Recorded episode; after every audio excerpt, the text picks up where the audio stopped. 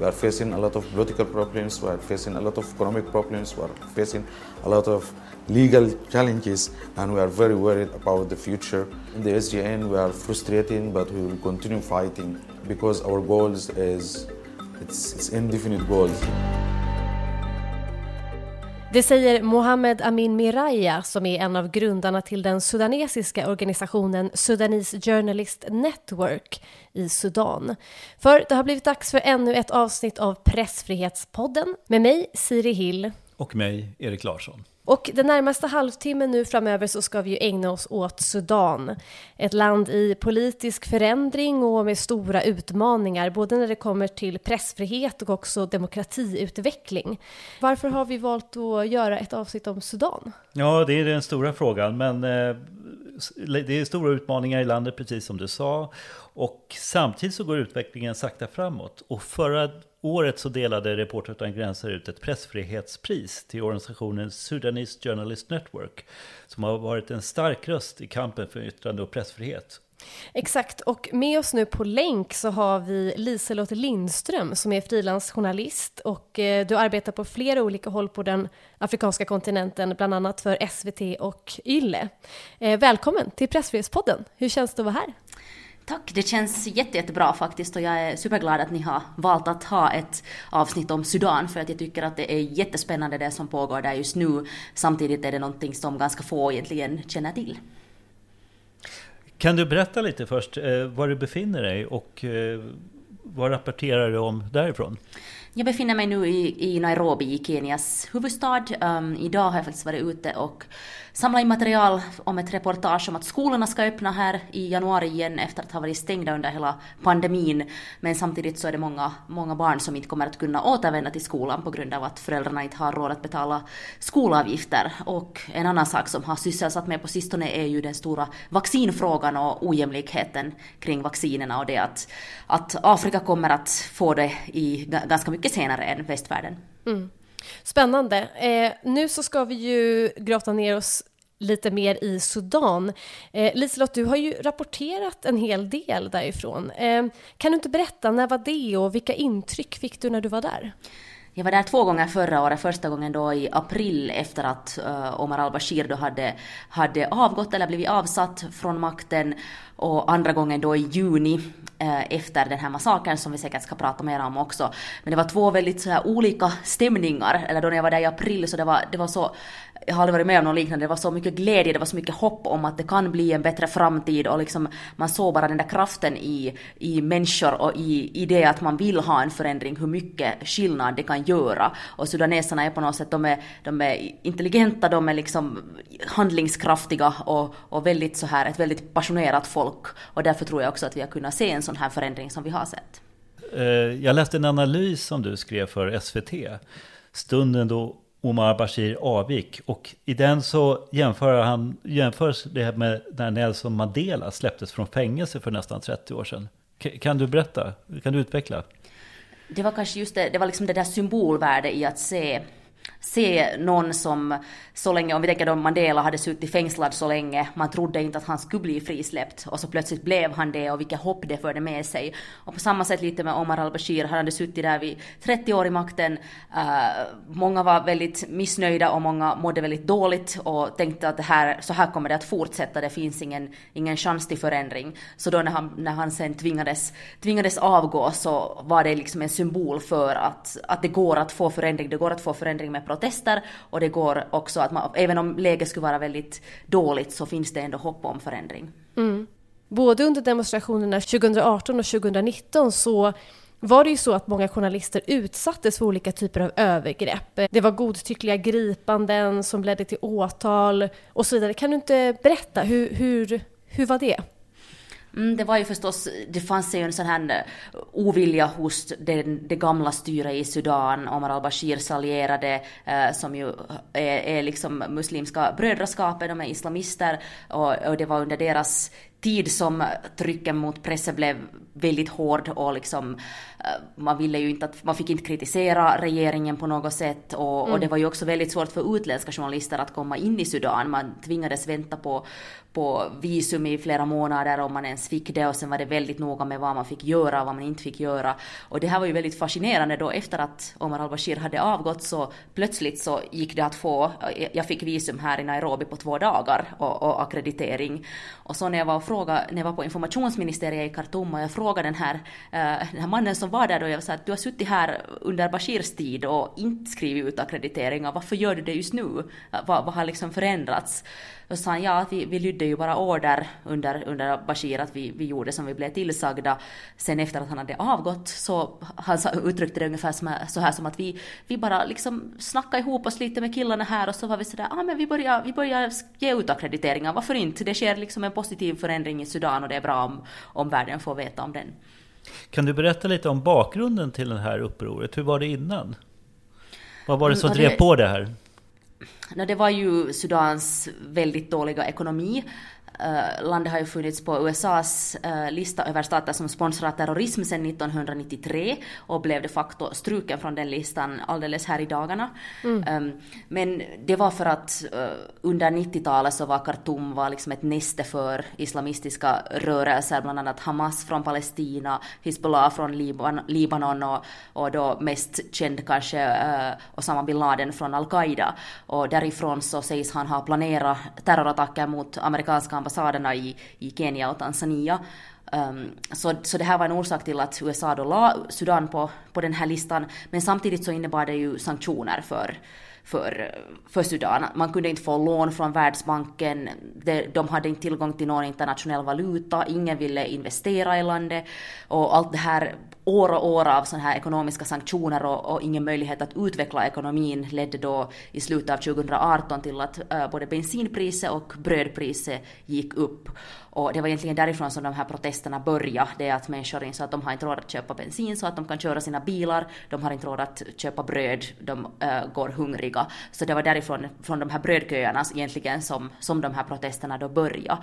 Men precis som du sa där Erik så var det här ju väldigt organiserade protester. Och det är ju också en, en orsak tror jag till att de var så framgångsrika. Att man på något sätt ähm, band samman liksom den här kraften, människornas kraft på gatan med det att det är organiserat på olika plan. Att det var då den här SPA, Sudan Professionals Association, som då hade läkare, fackförbund med, från läkare, journalister, um, vad var det annat, lärare, det var liksom många, många som gick ihop för att kämpa för samma sak. Och därför så tror jag att det lyckades bli en så, en så massiv och kraftfull rörelse.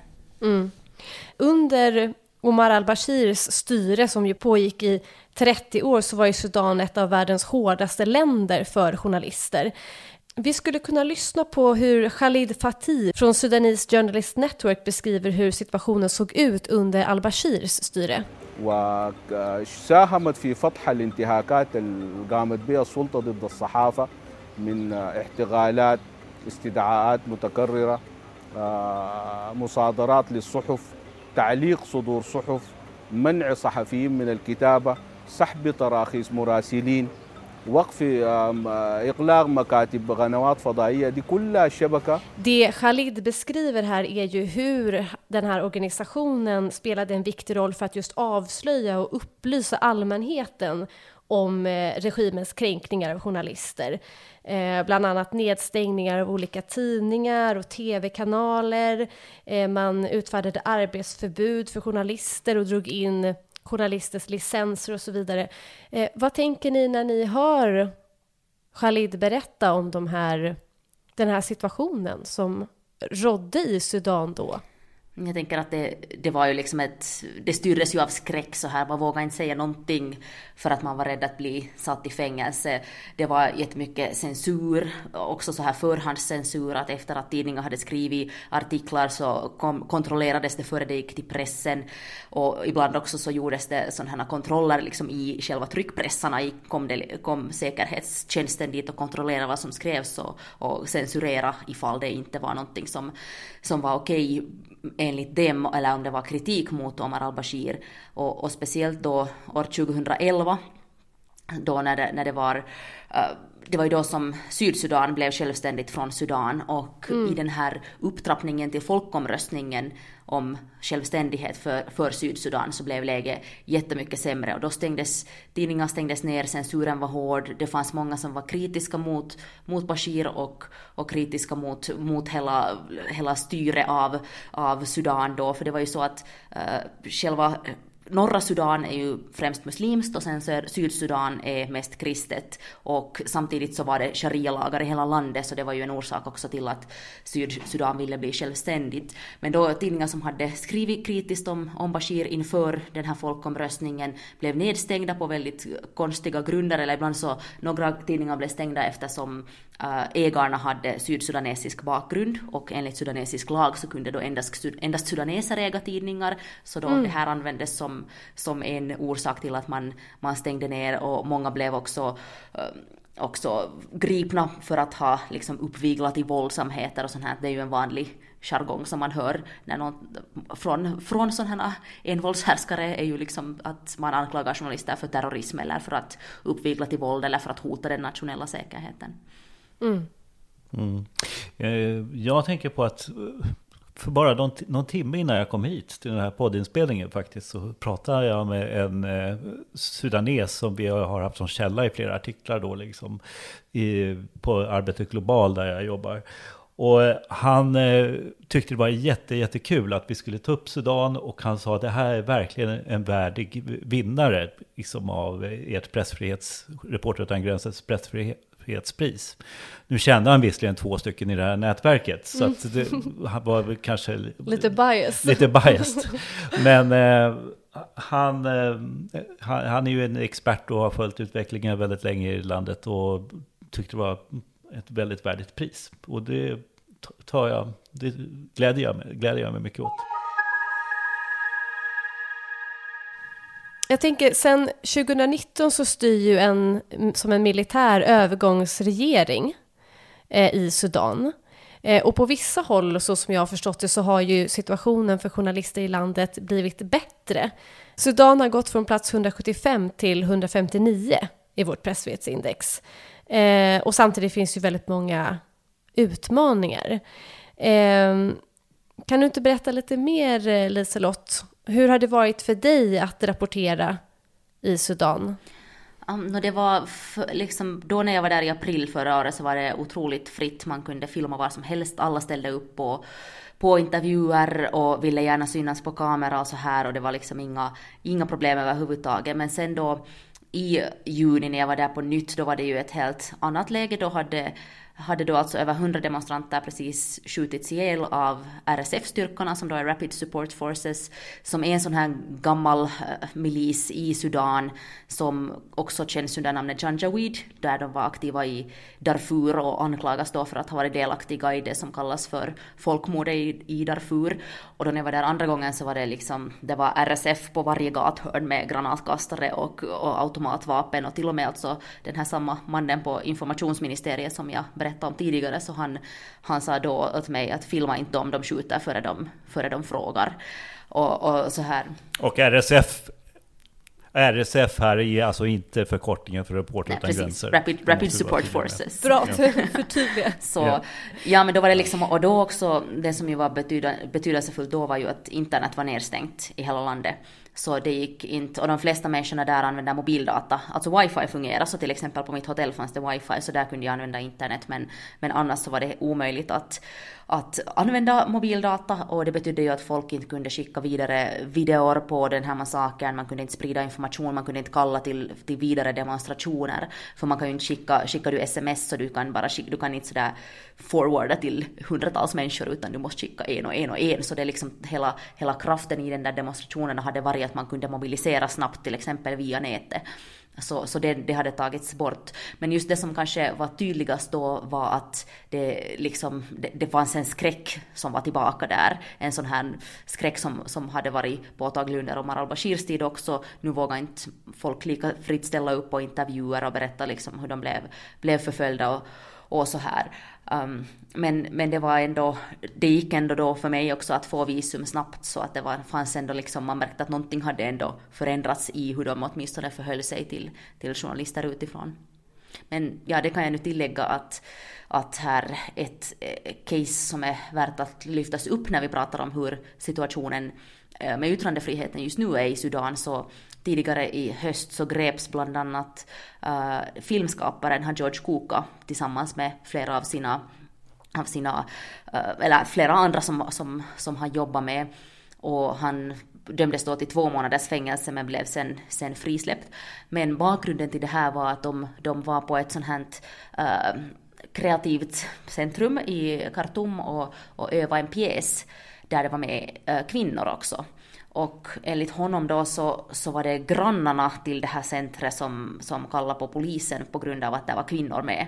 Och det här var ju någonting, det fanns ju väldigt repressiva lagar mot kvinnor under Omar al-Bashirs tid och det visar också att, att det finns fortfarande förstås alla de här människorna som var med och upprätthöll det där systemet har ju inte försvunnit någonstans över en natt. Utan det att man förändrar hela tänkesättet hos en hel nation tar ju jättemycket längre. Så det finns ju fortfarande de som, som stöder så som det var förr och, och liksom önskar eller, eller skulle, gärna skulle se att, att det var att Omar al-Bashir som fortfarande sitter kvar vid makten. Så, så liksom, det finns ändå mycket sånt här som, som begränsar yttrandefriheten och som gör att man kanske inte vågar vara så öppen som man skulle vilja som journalist där. Mm. En annan utmaning som jag funderat på, som flera nämner som en stor utmaning, är ju att flera av de lagar som al-Bashir stiftade när det kommer till mediepolitiken till exempel, de finns ju fortfarande kvar. Och vi skulle faktiskt kunna lyssna, jag har ytterligare en, en ill eh, från eh, Mohammed El Fatih Nayalla, som också jobbar på Sudanese Journalist Network, som beskriver just eh, hur det är att, att arbeta under de här lagarna. Until now is still Bashir law and all the role of Bashir is still going on. Especially uh, recently the government is passed the internet law. It's really is very bad internet law because he is target the uh, freedom of online media and social media. When you journalists Sudanese uh, writing about army issue, writing about uh, RSF issue, he faces arrested, he faces uh, court. But the situation is not change, but it's a little change. Now, little bit freedom, uh, but it is still, it is all law.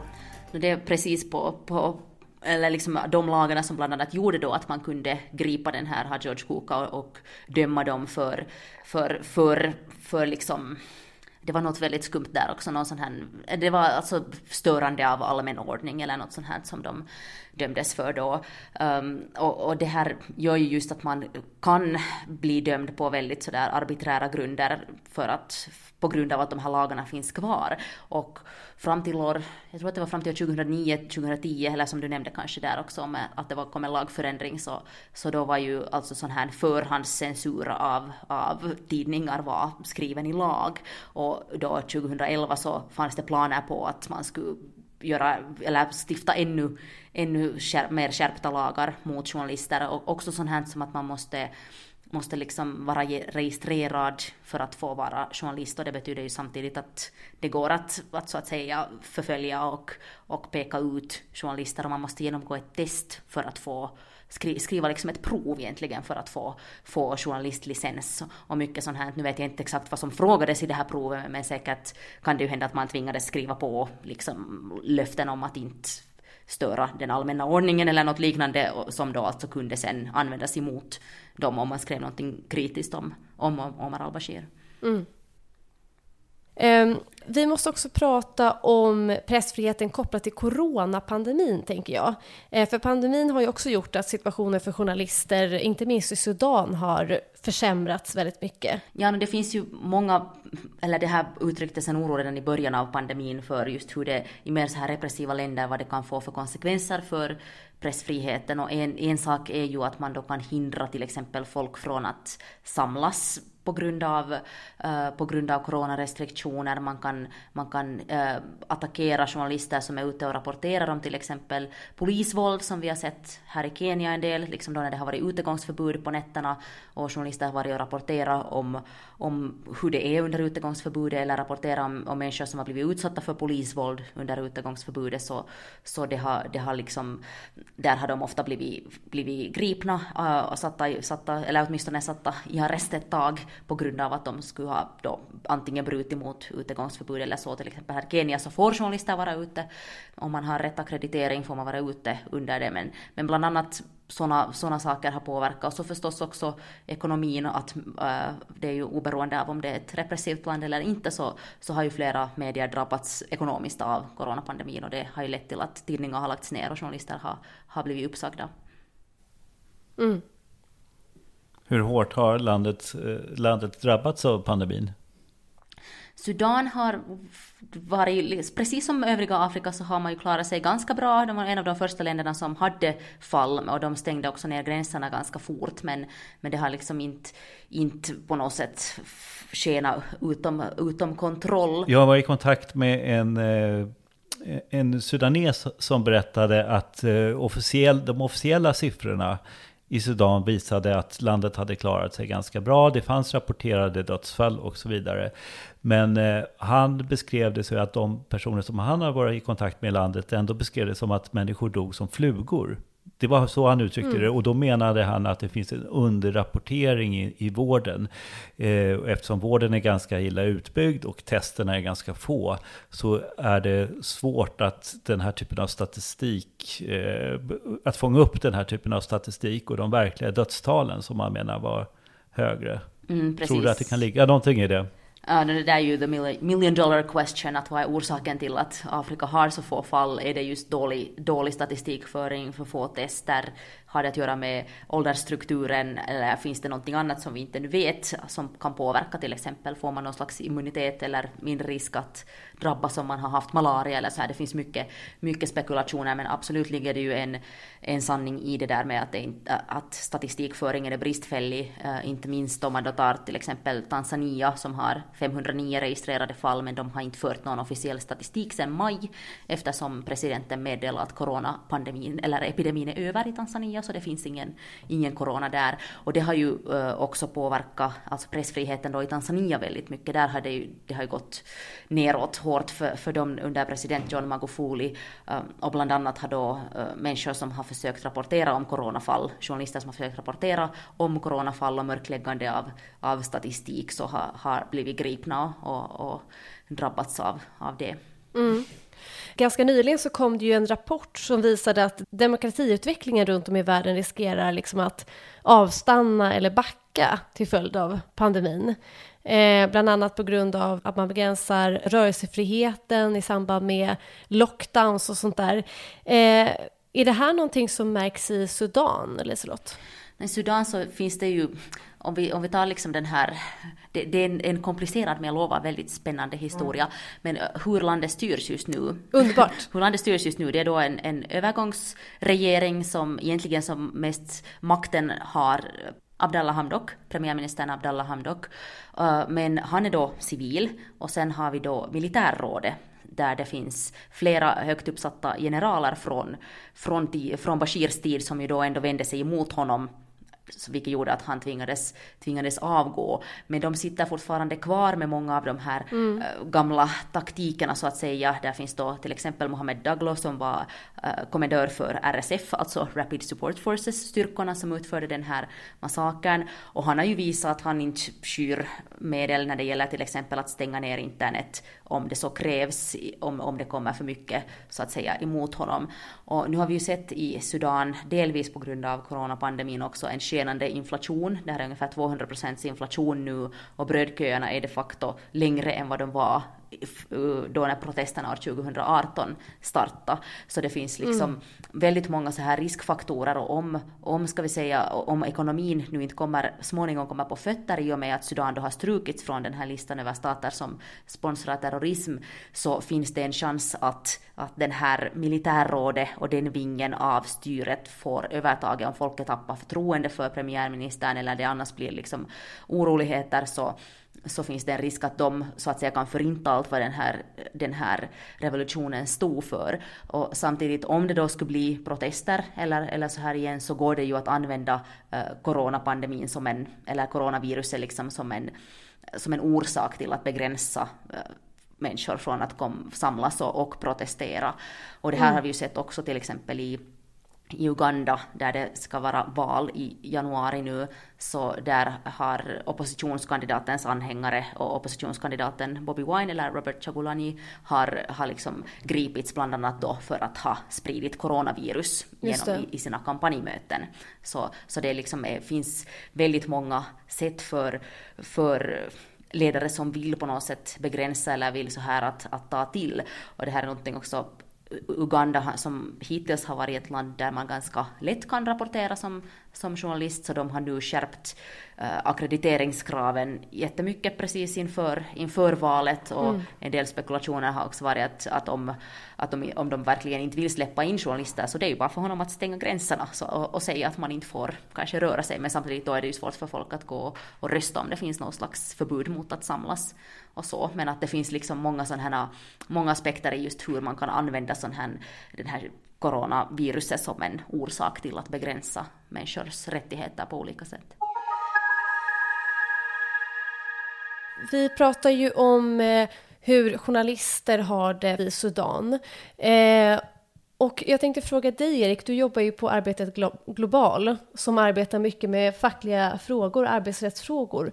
Eh, hur, hur arbetar fackföreningarna i Sudan för journalisternas väl och ve? Vi har ju rapporterat som sagt lite grann om utvecklingen i Sudan och eh, precis när upproret började för två år sedan. Och eh, då kan man väl säga att eh, de var liksom del av samma opposition egentligen. Eh, och eh, det här uppropet, eller upploppet, alltså det började av eh, någonting som hette Sudans Professional Association. Som, ja, det? det var en oberoende fackföreningsrörelse som växte fram. Den, den, var en illegal fackföreningsrörelse i landet från början, för det var inte godkänd av staten. Mm. Eh, och då skrev vi om det och vi skrev om hur deras krav på minimilöner, det fick ordentligt fäste. För folk började känna ett förtroende för den här organisationen. De kom inte från ett politiskt håll utan de kämpade liksom för arbetarnas rättigheter kan man säga. Och det där blev... Eh, det, det var faktiskt det som la grunden egentligen för för det uppror som hände, skedde sen. Liksom så här, och eh, vi rapporterar om det där en hel del, och, men sen så har det hänt någonting med den här organisationen. För att det här håller på att växa fram till någonting jättestort. Men eh, det här SPA då, som de heter, det, det blev en intern maktstrid mellan en högerfalang och en vänsterfalang i den här organisationen. Och eh, kritikerna hävdar liksom att kommunistpartiet vann den här striden och egentligen har tagit över SPA. Det, det är vad kritikerna säger. Mm. Och eh, det har gjort att väldigt många arbetare och anställda i Sudan har tappat förtroende för eh, det här oberoende facket. Och de har inte alls, eh, deras inflytande, inflytande har minskat väldigt kraftigt. Den 19 december 2020, det var ju tvåårsdagen kan man säga på upproret i Sudan. Och eh, då samlades väldigt många människor på, på torget i huvudstaden Khartoum. Och eh, där var inte SBA med än så att de var inte någon större organisatör av den här demonstrationen. Utan de hade, de har verkligen sjunkit väldigt kraftigt. Så att eh, eh det har förändrats snabbt. Det, har växt, det var en oberoende fack som växte fram, men mm. sen så har det liksom imploderat kan man säga, eller slitit sönder av eh, motsättningar internt. Har du några, hur, har det, hur påverkar det människorna i Sudan? Eh, jag vet faktiskt inte riktigt det. Mm. Alltså, vi rapporterar om Sudan, men det, Eh, det, det, är inte ett jättestarkt fokusområde för oss. Det har varit speciellt när någonting händer, så att det är kanske någonting vi borde ta reda på faktiskt. Mm. Liselott, vet du någonting om det? Jag tänker ju att det om SPA har försvagats så det är ju ett, ett stort slag mot just de som vill se ett mer demokratiskt Sudan, som vill se uh, ett civilstyrt Sudan eftersom SPA, SPA var så starkt då i att kräva det här med civilstyre då under, under demonstrationerna då efter den här massakern så var det ju en, det var ju länge liksom en, en kamp då mellan militärt styre och civilt styre och till slut så, så kom man överens om att dela på makten då att premiär premiärministern är civil men att militärrådet ändå har en betydande makt. Och det om liksom den här civila falangen har, har, som, som då egentligen uppbackades av ett starkt SPA. Så om, den, om de tappar det stödet och tappar liksom den här gräsrots, gräsrotskontakten via det så ser jag det som en stor risk för, för demokratiutvecklingen i Sudan tyvärr. Mm. Eh, nu så är ju Sudanese Journalist Network bland annat med i eh, diskussionen i att ta fram och reformera en ny liksom, mediepolitik i Sudan. Bland annat tillsammans med Unesco och eh, den övergångsregeringen som sitter nu. Ehm, man kan ju tänka sig att det är ganska mycket som ska till. Vad står man inför för utmaningar nu när det kommer till att reformera den här mediepolitiken? Vill du kommentera först, Erik? Eh, Jäkligt stor fråga. Ty tyvärr så har jag inte riktigt koll på eh, hur medielagarna skulle kunna förändras. Jag, jag vet faktiskt inte. Det är jättesvårt att säga. Men jag, kan, jag har en annan tanke kring det och det är att eh, i väldigt många länder så kan man införa bra medialagar, man kan införa en stark arbetsmarknadslagstiftning. Men eh, egentligen så spelar det väldigt liten roll. För det viktiga är hur, de här, hur man lever upp till att följa de här lagarna. Och så jag vet, jag kan faktiskt inte säga någonting om just den här lagstiftningen. Och jag tycker den, den lagstiftningen är jätteviktig. Men en annan mycket intressant fråga, eller nästan ännu intressantare fråga, är om man faktiskt eh, lever som man lär eller lever som man stiftar lagar snarare. Mm.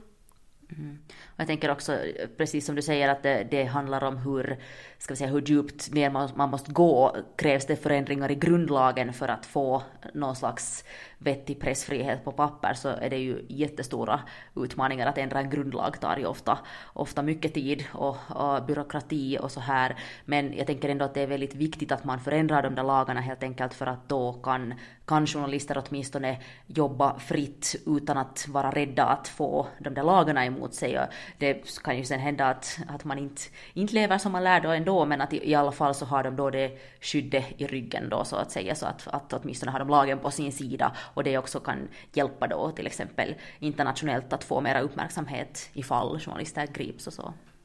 Men vad, vad skulle du säga Liselott, finns det politisk vilja eh, i landet för att göra situationen bättre för journalister? Jag tror att det finns det, åtminstone när man såg det på, eh, eller liksom de, de jag har haft att göra med till exempel då på Sudans ambassad här i Nairobi och, och de här tjänstemännen på informationsministeriet så var ju väldigt positivt inställda och fortfarande nu när det har varit eh, den här krigssituationen i Etiopien och det har eh, flyktingar har, har tvingats över gränsen in i Sudan, så till Tigray i Etiopien kom, har man ju inte blivit släppt, men samtidigt så har ju flera journalister varit och rapporterat på plats från Sudan, så de tycks åtminstone inte, för internationella journalister har de ett helt annat inställningssätt nu än vad de hade bara för ett par år sedan. Och sen mycket handlar om hur, hur den här så att säga maktkampen mellan, mellan det civila och den militära delen av, av övergångsregeringen uh, utmynnar, och det är då 2010 22 som Sudan ska, ska hålla val, så det finns ännu en del tid fram till det. Men jag, jag, jag är åtminstone så här försiktigt positiv. Mm. Det finns hopp alltså, helt enkelt. Precis. Och med det så tänker jag att vi avslutar det här avsnittet av Pressfrihetspodden som ju har handlat om situationen för journalister i Sudan. Och jag vill säga till dig Liselott Lindström, tack så jättemycket för att du var med oss idag och bidrog med din kunskap och allt du kan. Det var jättekul. Mer sånt här. Gärna. Tack för att du var med. Tack för att ni lyssnade. Fortsätt med det, tycker jag, som heter Siri Hill. Och jag, som heter Erik Larsson.